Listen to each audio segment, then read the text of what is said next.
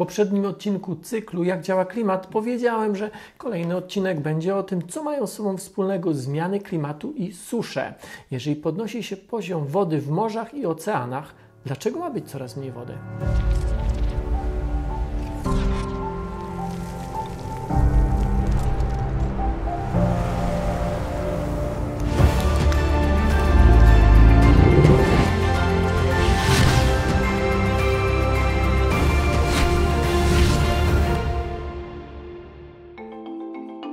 Zmiana klimatu powoduje, że w ziemskiej atmosferze zmagazynowana jest większa ilość energii. Ta energia pochodzi ze Słońca, ale to, że jest jej więcej, nie wynika z tego, że Słońce mocniej świeci, ale z tego, że więcej energii jest przytrzymywanej w atmosferze przez gazy cieplarniane.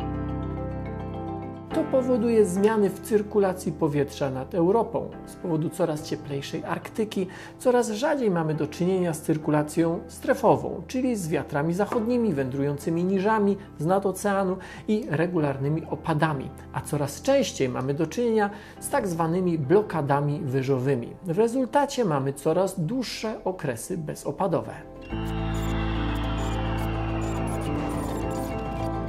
Coraz wyższe temperatury oznaczają nasilone parowanie wody z powierzchni Ziemi. To, że latem jest coraz cieplej, wyraźnie widać na tych dwóch mapach. Zresztą wspominałem o tym i pokazywałem to w niemal każdym z wcześniejszych odcinków klimatycznych. W wyniku wyższych temperatur gleba staje się coraz suchsza. Widać to nie tylko w Polsce, ale także w innych krajach Europy. Nie tylko to się zmienia. Temperatura rośnie, a ilość opadów nie zmienia się jakoś zasadniczo, więc spada wilgotność względna powietrza. Na tym wykresie widać ten spadek z podziałem na Polskę północną i południową. Mniejsza wilgotność względna powoduje, że przy tej samej temperaturze, a przed chwilą pokazywałem, że temperatura rośnie, szybciej oznacza szybsze parowanie jezior, rzek czy mokradeł. Spadająca wilgotność powoduje, że zmniejsza się częstotliwość i długość trwania mgieł. Co ciekawe, nie zmienia się suma rocznych opadów, a jeżeli się zmienia, to bardzo nie, niewiele. I widać to wyraźnie zarówno w lecie, jak i w miesiącach zimowych. To, co się zmienia, to charakter opadów. W skrócie mówiąc, coraz rzadziej pojawiają się mrzawki i lekkie, trwające długo opady, a coraz częściej pojawiają się opady nawalne. Burze, w wyniku których pada bardzo dużo wody, czasami średnia miesięczna albo i dwumiesięczna, ale opad następuje na tyle szybko, że woda nie zdąży wsiąknąć w glebę i w ten sposób uzupełnić podziemnych zasobów wody.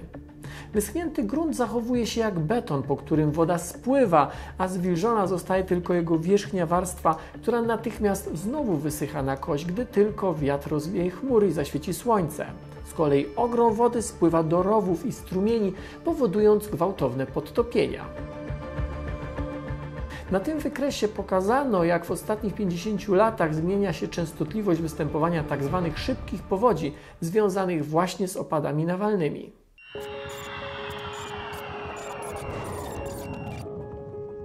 Szybkie i gwałtowne powodzie występujące na obszarze opadów będą coraz częściej przeplatane długimi okresami suszy.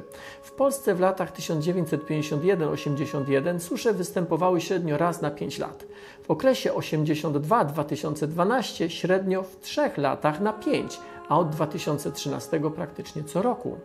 Na Ziemi istnieją ekosystemy, które są przystosowane do szybkich zmian nawodnienia, do magazynowania ogromnych ilości wody, po to, by korzystać z nich przez długie miesiące bezchmurne. Takimi ekosystemami są na przykład lasy tropikalne. Tyle tylko, że nasz ekosystem do takich warunków nie jest dostosowany. Co więcej, pozbywamy się nawet tych lokalnych buforów, które mogłyby wodę zmagazynować. Natura ma swoje systemy zabezpieczeń, ale my jako ludzkość ich nie szanujemy. Mam na myśli tutaj lasy, mokradła, bagna czy nieuregulowane rzeki albo niezagospodarowane łąki. Ogromną większość z nich osuszyliśmy, a inne przycinamy na krótko albo betonujemy. Łąki otaczamy rowami melioracyjnymi, oczka wodne zasypujemy, a tereny zalewowe stały się atrakcyjnymi działkami budowlanymi. Gdy wody jest nadmiar, płynie ona szerokim strumieniem do morza, a mogłaby się rozlewać i powoli wsiąkać w grunt, po to, by uzupełniać niedobory w głębszych warstwach. Żeby było uczciwie, trzeba przyznać, że w Polsce i tak w porównaniu z krajami zachodu wiele rzek, łącznie z naszą największą rzeką, czyli Wisłą, ma dziki charakter, ale też w krajach zachodu wdrażane są programy mające na celu przywrócenie przyrodzie rzek odbetonowanie tych rzek, a u nas czasami słyszy się głosy, wręcz przeciwne, że rzeki powinniśmy uregulować, a ich brzegi zagospodarować.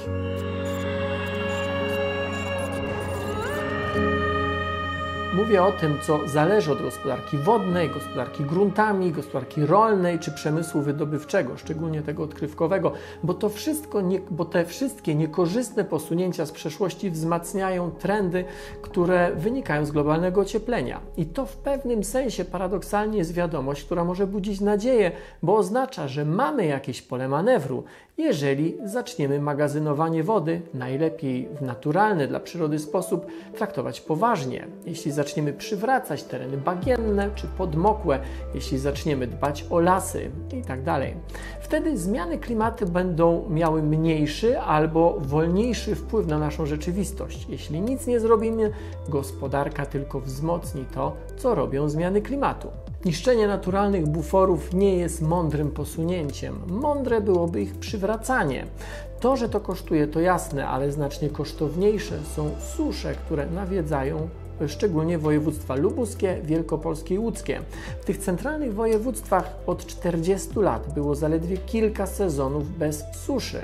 Nie trzeba być znawcą, żeby zauważyć, że to gigantyczny problem dla całego rolnictwa.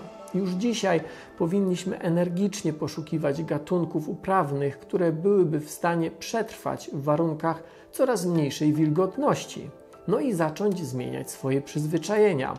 Nie kąpiel wannie, tylko prysznic. Podlewanie trawników latem odpada. No i recykling wody z instalacjami gromadzącymi deszczówkę koniecznie. Nauka to lubię na Facebooku i YouTube.